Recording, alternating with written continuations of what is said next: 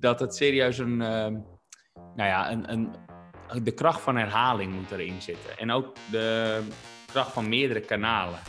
dus je pakt een telefoontje, je stuurt nog een keer een e-mail, je stuurt nog een keer een Loom-videootje van ik moest aan je denken. Ondertussen stuur je me een LinkedIn-berichtje. Hij zit in je retargeting campagne op Facebook. En op die manier hou je gewoon je, je klant, je lead, potentiële klant moet ik zeggen, hou je warm. Sales, groei, leads, deals, closen, allemaal termen waar jij hitsig van wordt. Goed dat jij weer luistert naar een nieuwe aflevering van de Smiley met dollartekens podcast. Ja, eerlijk, echt een waardeloze naam, maar geweldige inhoud. Want samen met Pieter S., en dat is volgens mij de beste business developer van Nederland, duik ik, Jordi Bron, in de wereld van sales. Ben je al verkocht? Laten we snel beginnen. Yes, Piet, daar gaan we weer. Welkom bij weer een nieuwe aflevering van de Smiley met Dollar Tekens podcast. Piet, waar gaan we het over hebben? Waar gaan we het over hebben? Wanneer wordt sales irritant gevonden? En ik trap ook gelijk daarom af met de stelling.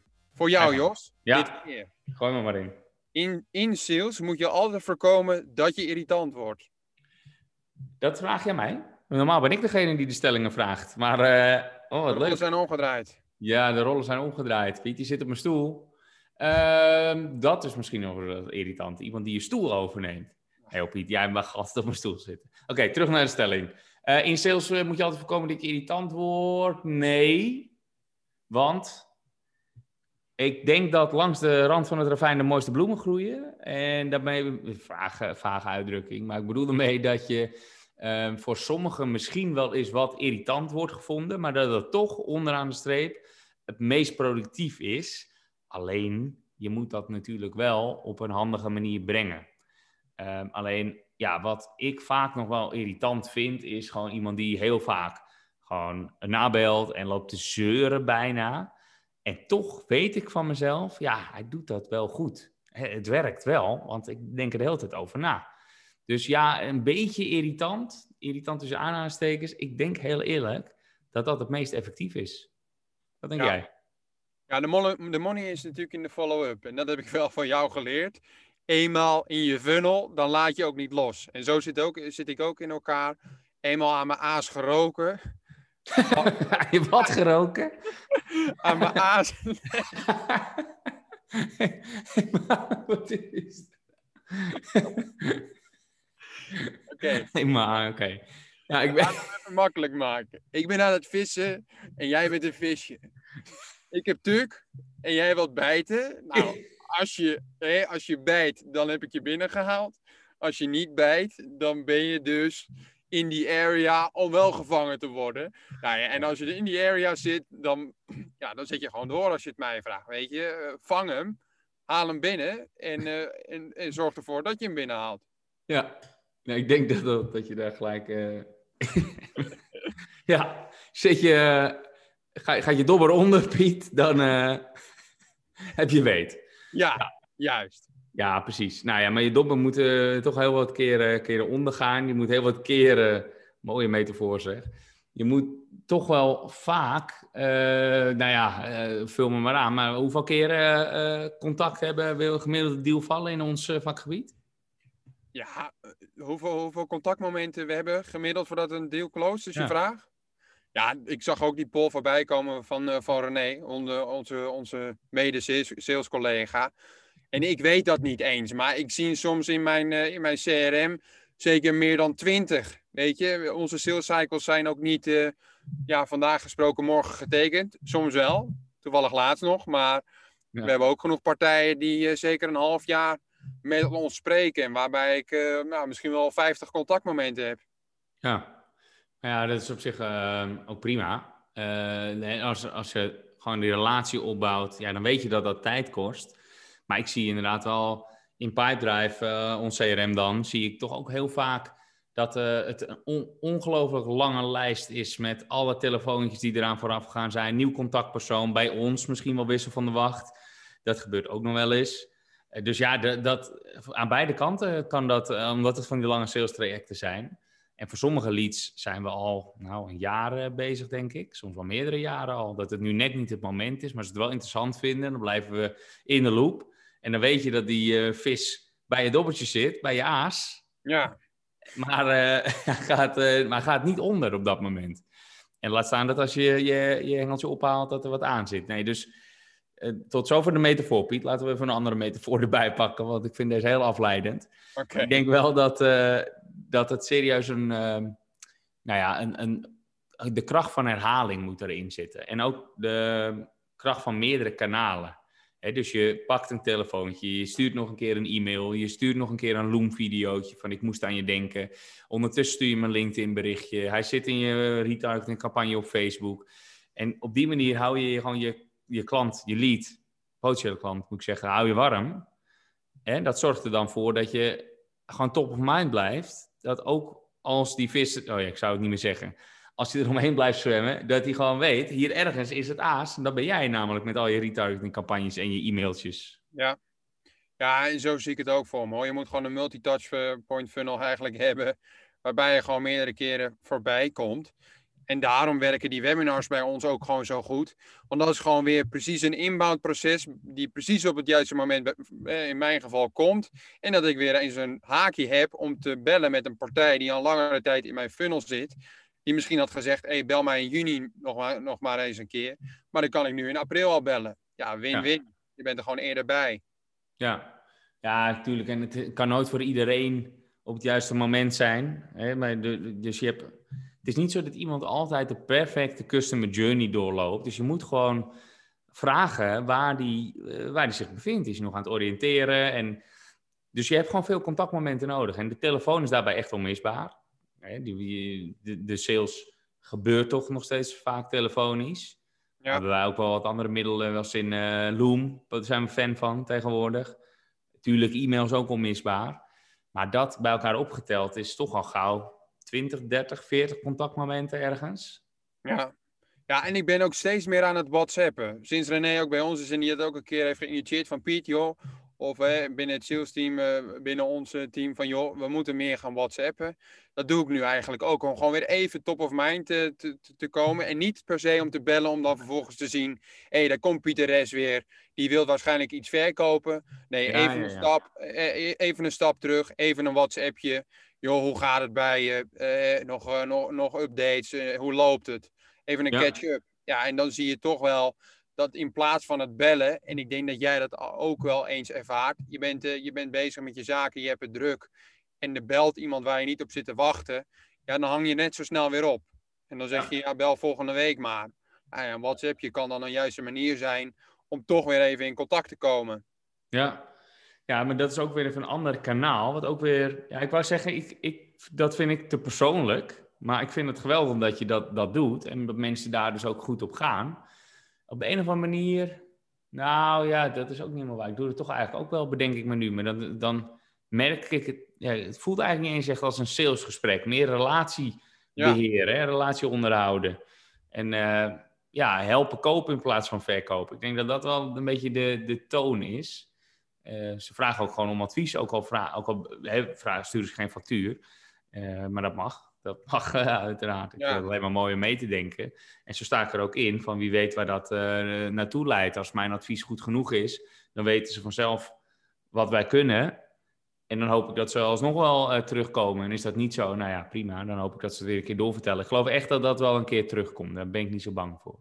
Ja, maar wanneer vind jij nou echt sales irritant? Jij wordt ongetwijfeld vaak getarget. Word je wel eens koud gebeld? Hoe ervaar jij dat?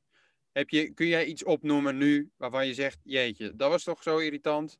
Ja, de, nou, er zijn wel een paar partijen die uh, echt wel flink doordrammen. Uh, en ja, ik uh, zag, ik, ik kreeg nu weer een mail van, ik ga ze ook gewoon noemen, Rodeo heet de, partij. En dat zijn echt wel, wel agressievelingen. En ergens waardeer ik dat wel, want het is ook een soort van onze core business. Maar ik vind dus dat dit te ver gaat, uh, want ik vind het irritant.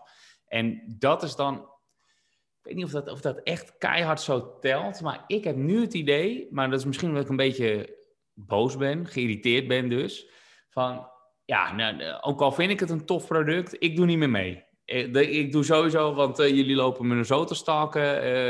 nee, ik gun het je dan ook niet meer.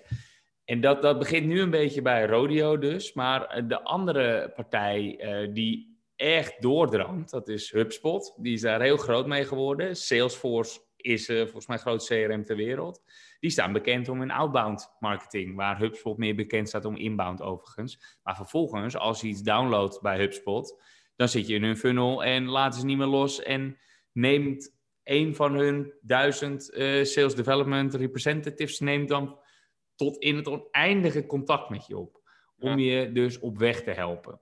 Ja, net zo'n tot je dat gratis CRM van ze gebruikt en je er niet meer uit kan. Dus ja, dat, dat uh, hebben ze wel aardig door, hoe ze dat het best kunnen doen. En die andere partij die ik nog wilde noemen is Cognism. C-O-G. Nee, Piet, met een G. jij met je vieze metaforen. Cognism uh, is een, uh, ja, ook een, een B2B lead generatie tool. Zo zou ik het best kunnen omschrijven. Staan ook bekend om hun outbound activiteiten. Heel, heel, heel agressief. Echt gewoon drama. Ik heb elke week wel belletjes voor, van ze, nog steeds. En dan zie ik weer het UK-nummer. En dan, uh, nou goed, ik neem ze ook niet meer op. Maar dat krijg je dan wel. En ja, of dat nou echt averechts werkt, misschien nu dus zeg ik van wel, maar misschien dat ik het toch. Het product is gewoon wel goed, eerlijk is eerlijk. Hun content is ook echt supergoed. Ze hebben wel gewoon een goed verhaal. Dat zou ook wel spelen, denk ik. Maar dat was mijn, uiteindelijk mijn vervolgvraag. Dat bedacht ik me dus nu. Van wanneer ben je lost? Wanneer zeg jij, ja, hallo, Nee, nu gewoon niet. Nooit niet. Klaar, want je bent te ver gegaan. Je hebt me al zo vaak gebeld. Het is klaar. Ja, ik weet dus niet of dat echt zo geldt. En dat zal van de een natuurlijk eerder zijn voor de ander. Uh, ik denk dat die, dat die irritatiezone langer is dan je denkt. Uh, oftewel, je kan meer hebben. Uh, en ja, ik denk dus ook wel dat, dat de effectiviteit um, echt wel verhoogd wordt als je gewoon tot bijna het irritante af gaat nabellen, gaat opvolgen en uh, gewoon om maar top of mind te blijven, dan denk ik toch wel dat dat uh, toch wel loont uiteindelijk. Dus wanneer je te ver gaat, ja, dat, dat is gewoon echt verschillend. Het is volgens mij niet één getal dat je zegt, nou, bij de twaalfde keer uh, is hij lost. Nee. nee het, het nee, zit weer in de frequentie. Weet je wat, weet je wat ik daarin merk? Ik merk daar wel gewoon in, de beller is sneller. Dus stel je hebt, eh, je wilt iemand bereiken, dan bel je. Je belt en je spreekt de voicemail in van joh, tenminste hoe ik dat aanpak, is van joh, ik kreeg je zojuist niet te pakken, ben vrij goed bereikbaar op dit nummer, einde bericht. Nou, dat is, dat is eigenlijk mijn eerste try. Mijn tweede try is nog een keer bellen, ah, nog een keer bellen en dan vervolgens wel een mail dat ik gewoon even kort aankaart van joh, hey, ik, uh, ik, heb, uh, ik heb niet meer van je gehoord. Ik ben even benieuwd hoe het bij jullie voor staat. Ja, en na die mail ja, wacht ik wel even een langere tijd, omdat ik het niet te hè, dicht, dicht uh, bovenop wil zitten. Ja. En dat is toch wel dat aanvoelen. Ja. Want ik heb ook wel ergens in mijn gedachten dan van, ja, weet je Piet, als ze, e-, als ze echt wilden, dan hadden ze me nu al gebeld. Weet je nou, ja, dat... ja, dat is ook zo. Maar heb jij het idee dat je het goed aanvoelt wanneer mensen je irritant vinden? Ja, ik heb het idee van wel. Ik heb het idee van wel. En, ah, uh... goed zo. Lekker blijven geloven, Pieter. ja. ja, je moet dat... En dan, hoe ga je daarmee om? Want ja, en dan uh, bel je dan niet meer. Ja, ja dan, dan, dan zeg ik gewoon tegen mezelf: Oké, laat het maar eventjes. Ik bel wel weer over twee à drie weken. Weet je, dat, dat is best wel vlot, toch? Dat is best wel hoog. Uh hoge frequentie van bellen.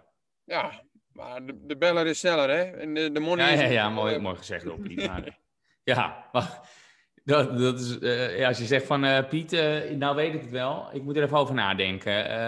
bel me voorlopig maar niet meer. Dan bel je twee weken later alsnog. Nee.